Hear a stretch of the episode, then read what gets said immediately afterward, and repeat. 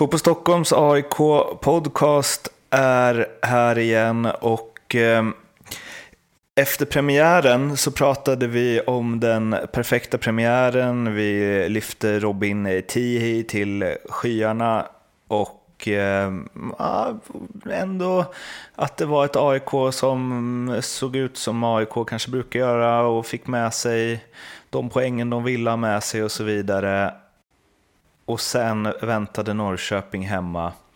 Och Oskar, jag är så elak nu så jag bara frågar, vad var det som hände egentligen? Det är väl, eh, det är inte ens en elak fråga känns det som. Utan det är väl den känslan de flesta har eh, lämnat tv-sofforna med. Ehm, 0-4 på en halvlek, det fanns ju inte. Nej, har man inte sett eh, något liknande. Ras, det är, liksom, det är klart att IFK Göteborg i fjol när Norling försökte på sig ett eh, taktiskt experiment som eh, ja, föll igenom helt. Det var ju lite samma vibbar i och för sig. Men det är ju ändå någonting annat på, på hemmaplan. Och man kan ju gå hur mycket som helst till liksom, ja, svagt ingripande av Haugard på första målet. Och Norrköping gjorde väl de fyra målen på fyra skott, va? eller fyra avslut. Ehm, och så vidare. Men eh, som Simon Tern sa i eh, halvtidsintervjun att det kunde ju varit mer också. Det var ju, eh, jag, vet, inte om jag sett ett topplag, framförallt inte på hemmaplan, bli, vara så eh, chanslösa under en, en halvlek. Nej, jag kan inte påminna mig om det heller. Det var ju för sig en överdrift eh, att det, att det skulle stått mer än 4-0. Det är en sån sak som man säger bara för att man har haft några chanser till. 4-0 mm. var ju bra utdelning givetvis. Liksom. Alltså, ett, mm. ett standardresultat på en sån halvlek kanske 3-0 då, eller någonting. Mm. Men eh, det, just, det, hade ju varit stora siffror ändå. Um, Men, en sak som jag tyckte så visade hur överlägsna de var var ju också att eh, Tern stod och verkligen så förklarade. Så här det här är anledningen till att vi är mycket bättre än AIK. Så här har vi tänkt och så här gjorde vi och då blir det så här. Eh, och man kan inte spela ett sånt försvarsspel mot oss om man inte har van Dijk eller vad det var han sa. Eh, rubrikvänligt förstås, men det, det tycker jag också är sällan att man hör en spelare i, i halvtid stå ja. och så förklara taktiken. Han satte ju fingret på det, för det var så uppenbart att den här taktiken de kom ut med var ju eh, jättetydliga. De märkte att de fick effekt av den från minut ett. Och mm. satte helt enkelt AIK schackmatt i varenda situation. Och eh, Norrköping har ju, eh, ja andra halvan, andra halvan i fjol var de ett av de formstarkaste lagen i serien och eh, ser ju bättre ut eh, nu snarast. Framförallt när Haksabanovic, nu var, nu var kanske inte han bäst på plan just den här gången men, men det är ju en eh, riktigt vass spelare. Och när Norrköping kommer liksom helt färdiga, klara i sin taktik, som de dessutom kan liksom pinpointa mot AIKs eh, naiva uppställning så, så kan det ju uppenbarligen se ut på det här sättet. De har 11-3-1 på de senaste 15 matcherna va? Eh, och där är förlusten borta mot Malmö, så det är väl en förlust man kan ta. Eh, så det är klart att det var ett tufft motstånd för AIK, men att då kan ju gå in på det liksom hur AIK ställer upp där. Det var ju ja, pojklaget om man ska vara elak, men det var ju eh, ytterligare um, unga tillskott sen eh, premiären och eh, hur lovande en liksom Tihi och Abraham och Stannegård och så är, så är det ju ändå, det är fortfarande unga orutinerade spelare som kommer bli jättebra, men som kanske i dagsläget Eh, alltså de ska ju inte, de, de ska inte få eh, sätta sig i en sån här sits som de gjorde. Det blev någonstans kombinationen det och taktiken. Precis. Det, jag skrev en krönika om eh, matchen på slutsignal. Där jag försökte någon, få till någon slags analys av det här märkliga som vi precis hade sett. Men det är i alla fall tydligt att det finns ju inga mellanting när det gäller Rickard Norling. Ehm, under 2018-säsongen så var det uttalat att det inte fanns någon eh, lång, långsiktig satsning överhuvudtaget utan hans tränargärning handlade om att göra resultat. Punkt. Ehm, och det är ju ovanligt. Alltså, nästan alltid har man ju båda perspektiven i en storklubb såklart. Ehm, att det handlar om att eh, göra resultat, utveckla laget så att man kan göra bra affärer och så vidare. Att det är liksom en, en helhet. Och från det synsättet som även gällde i fjol ganska mycket, vilket vi pratade om i fjol, jag tyckte att man borde lagt om kursen redan då, till att man nu har gjort en 180 grader till det här året. Ehm, och nu slänger man in alla på en gång. Och det, det pratade vi om efter premiären, den perfekta premiären kallar vi den. Och eh, de flesta kanske lyssnade på det avsnittet och det handlar inte på något sätt om det spelmässiga som vi inte var så imponerade av utan att man lyckades få in en trea och spela unga spelare. Vilket vi tyckte var kul men vi var ju också lite skeptiska på förhand om, eh, om det verkligen skulle hålla i kombinationen med eh, den här taktiken. Och eh, Ja, jag tycker absolut att AIK ska eh, bygga om. Jag tycker att man borde kommunicerat det tydligare. Alltså utvecklingsåret som man har pratat om, det är det som borde fått fäste snarare än att man liksom säger att man tvunget ska till Europa igen. Eh, om man hade eh, vågat kommunicera det så tror jag att man haft lite, lite mer förståelse. Kanske inte efter en sån här match såklart, men, men generellt sett. Men jag tycker inte att nödvändigtvis att man måste slänga in alla unga spelare eh, direkt. För det är ganska många av de eh, äldre etablerade som sitter på kontrakt som går ut som man liksom verkar ha eh, struntat i helt nu. Där det ändå finns en del potential. Så ja, jag efterlyser väl någon slags eh, mellanväg trots allt. Vi hyllade ju eh, Robin Tihi eh, rättmätigt efter premiären och ehm, jag läste Eh, Sportbladets eh, spelarbetyg efter matchen och då var han den enda som fick två plus. Alla andra fick ett plus. Eh, I alla fall av de som spelade längre tid. Ehm, och någonstans så tycker jag att det blir... Alltså för han var ju, det förklarar ju Tern, att det var ju liksom nyckeln att sätta Nyman på honom Eh, där han fick kämpa och slita och gjorde det förvisso helt okej. Okay. Eh, men det var ju ändå det som var liksom, och det är inte Robins fel, men det var ju det som var taktiken i att liksom trycka tillbaks eh, AIK.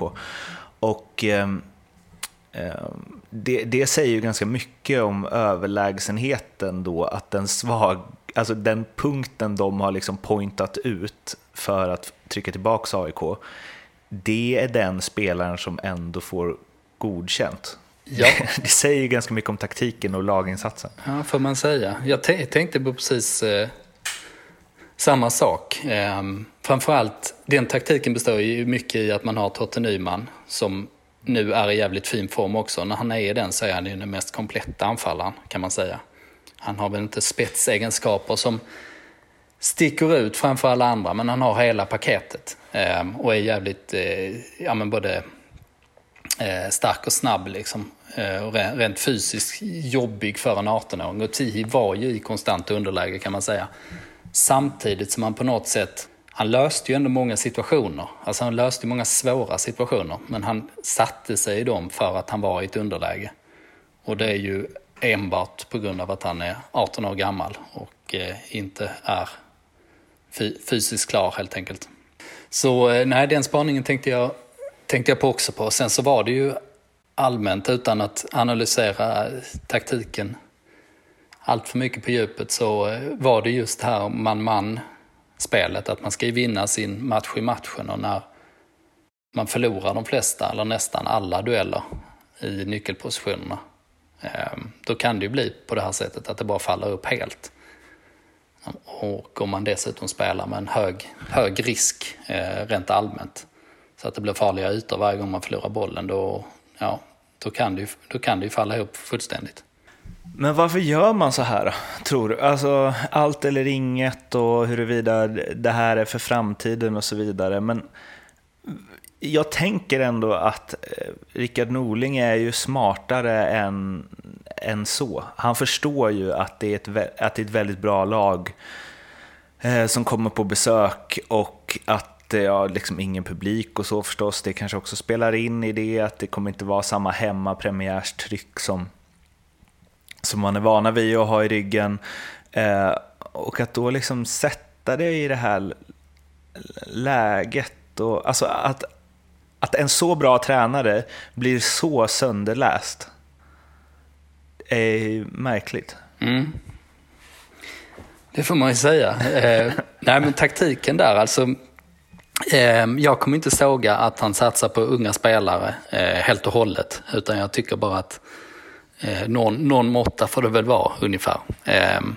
Och vad det gäller taktiken. Alltså jag sympatiserar ju med idén att de bygger om eh, taktiken, tror på en linje, ser det som en, eh, som en process och att man, är beredd på att man kan gå på nitar och, och så vidare. Ehm, för att man tror att när man väl har satt den här taktiken så kommer man, kommer man bara ha ett jävligt fint spel. Och det har man ju sett på många, många lag att det kan ta lite tid innan man allting hakar i varandra. Problemet med den här taktiken, i mina ögon åtminstone, är att jag har inte förstått mig på den eh, från start. Efter den här eh, eh, cupmatchen mot Kalmar när de vann med 3-1 på Skytteholm så blev det ju en hel del optimism i AIK för att man tyckte att eh, man fick till det efter eh, jävligt svaga matcher innan dess. Men jag tyckte inte grundspelet så särskilt bra ut där heller faktiskt. Utan jag tyckte att man fick lite billiga mål. Eh, Kalmar gick bort sig två gånger med en hög backlinje. Eh, där det ett av målen kom ganska sent också. Eh, och eh, Örebro gav mig inte så många spelmässiga svar heller. Och eh, den här matchen var ju ett, eh, ett haveri. Det var ju när ja, resultatet av när taktiken uppenbarligen fungerar som sämst.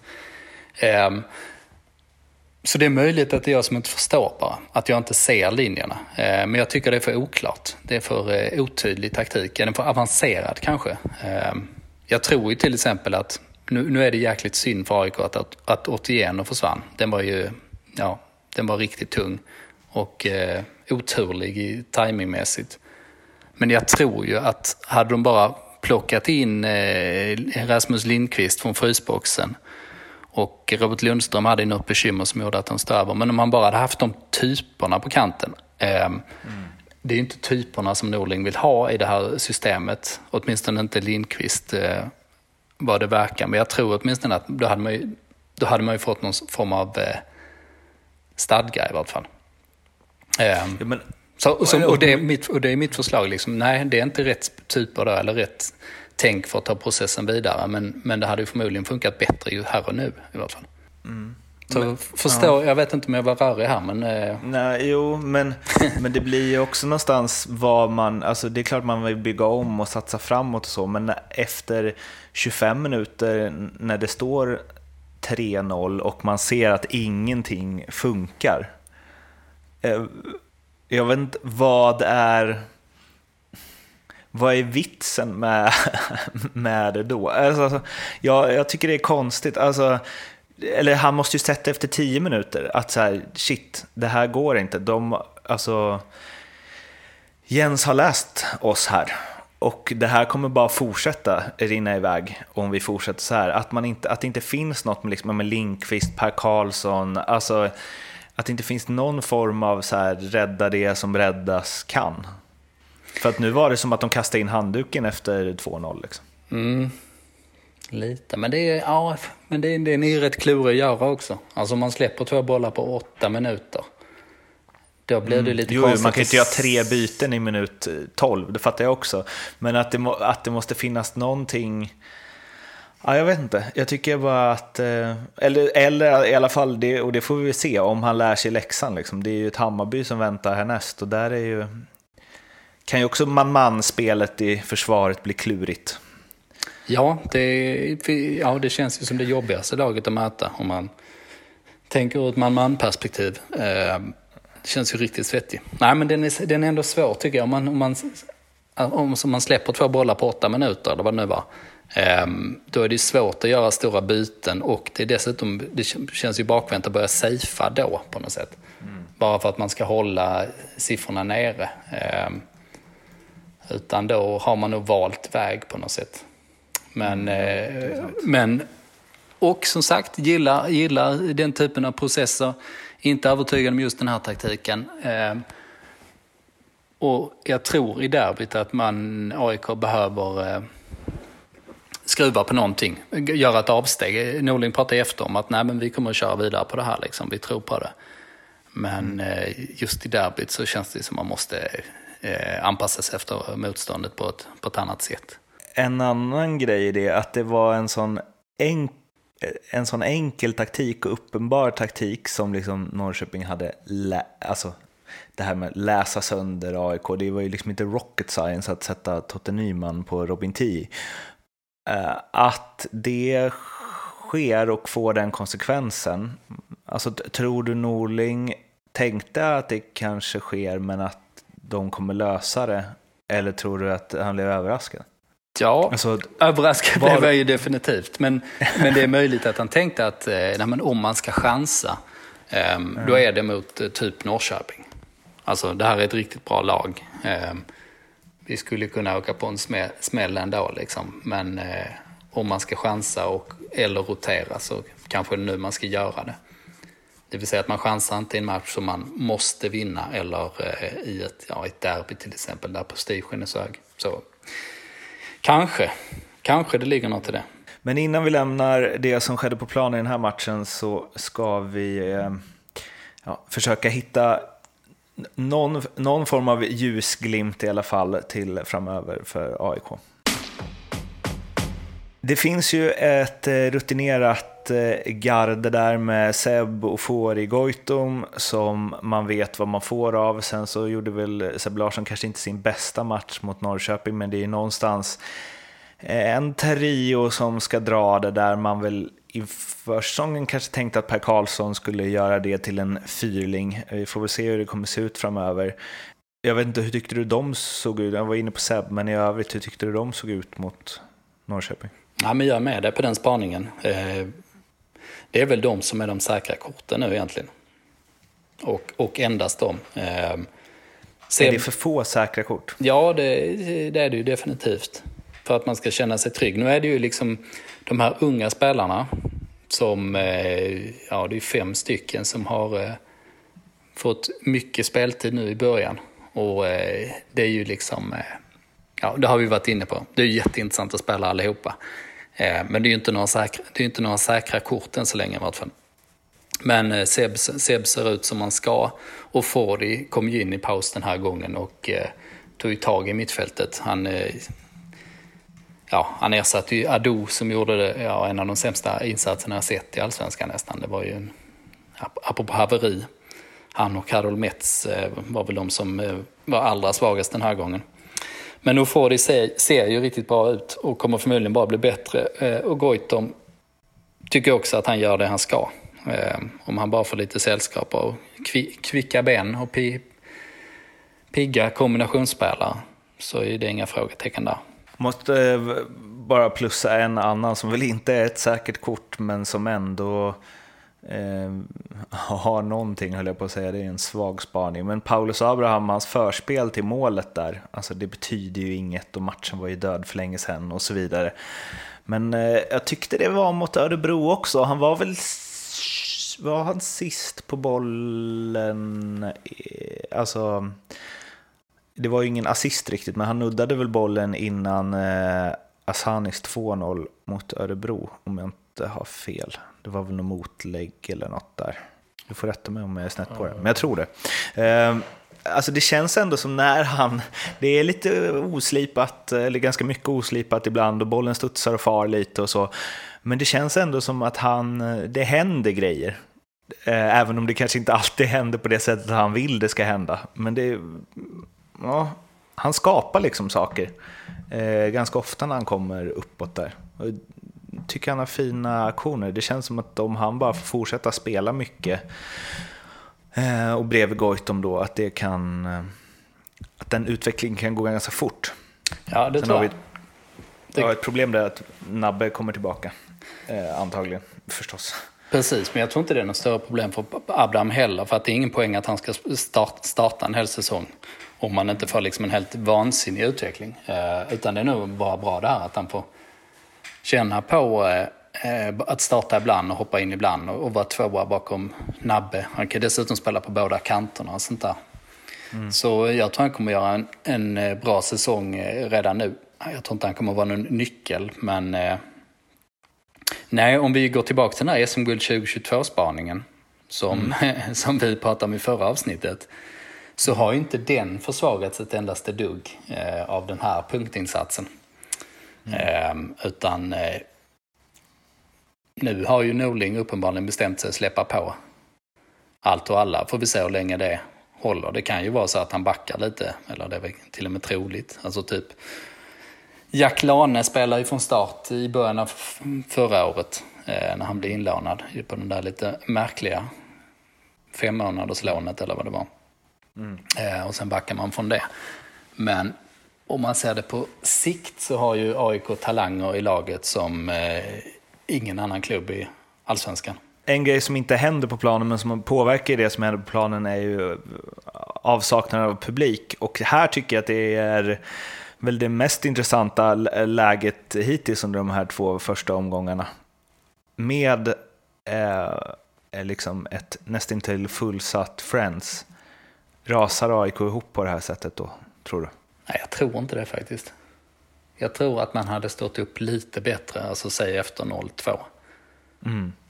Um, det tror jag hade varit en faktor om man hade haft liksom en sådär 20, 20 000 um, mm. i ryggen på en avskärmad 30 000 arena.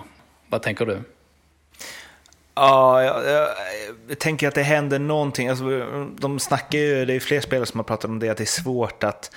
Eh, ja, de säger för emot sig själva där, men att det är svårt att komma ur motståndarens typ momentum. Eh, vilket ju också borde vara lättare eftersom man inte har publiken med sig då. Men att det är någonstans det finns liksom inget som pushar på när, när motståndaren, alltså det, eh, det här kämpandet in tillbaka i matchen blir svårare om man inte har publik i ryggen. Alltså man kan vända och vrida på det beroende på vilken sida av det man är på. Men jag tror ändå att det finns, det finns inget som bryter av, det finns liksom inget som, eh, det bara fortsätter att rulla och Norrköping bara fortsätter på samma sätt hela tiden. Det finns liksom inga, ja, jag vet inte, jag kan, jag kan förstå vad de menar när de säger det, att det är så svårt att komma ur det. Um, när det inte finns några yttre omständigheter. Jag tror också att det är en typisk AIK-grej. Alltså om man ska försöka sätta fingret på vad AIK-stämningen är, så är det mm. väl just det. Att det händer i... Plötsligt så bara vaknar hela arenan. Mm. Alltså plötsligt tar liksom, Kenny Pavey på sin tid. En galen tack, tackling. Tacklar ut en motståndare över sidlinjen och sen så bara plötsligt ställer sig hela arenan upp. Mm. Och sen är man igång. Ehm, mm. pratade Andreas Alm mycket om också på sin tid, att man skulle spela i symbios med publiken och sånt. Och de där ögonblicken har man ju upplevt många gånger på Rösunda och Friends Arena. Alltså när, när det bara händer någonting.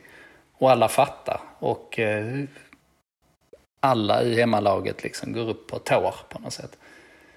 Så, eh, och det har varit både i liksom, eh, underläge och i du vet, jaga segermålläge eller vad det nu kan vara. Liksom. Ehm, en sista grej om publiken där är ju att eh, AIK fick ju alltså första straffen mot sig eh, sen oktober 18 eh, i en match utan publik det är ju öppet mål för konkurrerande, rivaliserande lagsupportrar. Just det, en förbundets lag ja. Men det är jävligt anmärkningsvärd statistik i alla fall. Ja, verkligen. Om det är sedan 2018. Och nästa match är som sagt ett derby där eh, ja, det, ska, alltså det finns så mycket från den här matchen som gör att den matchen blir ännu mer intressant. Vad kommer AIK, eller vad kommer Norling våga mönstra? man kan ju inte gå in så här igen, alltså det kommer bli åka av mot Kacaniklic och Tankovic då.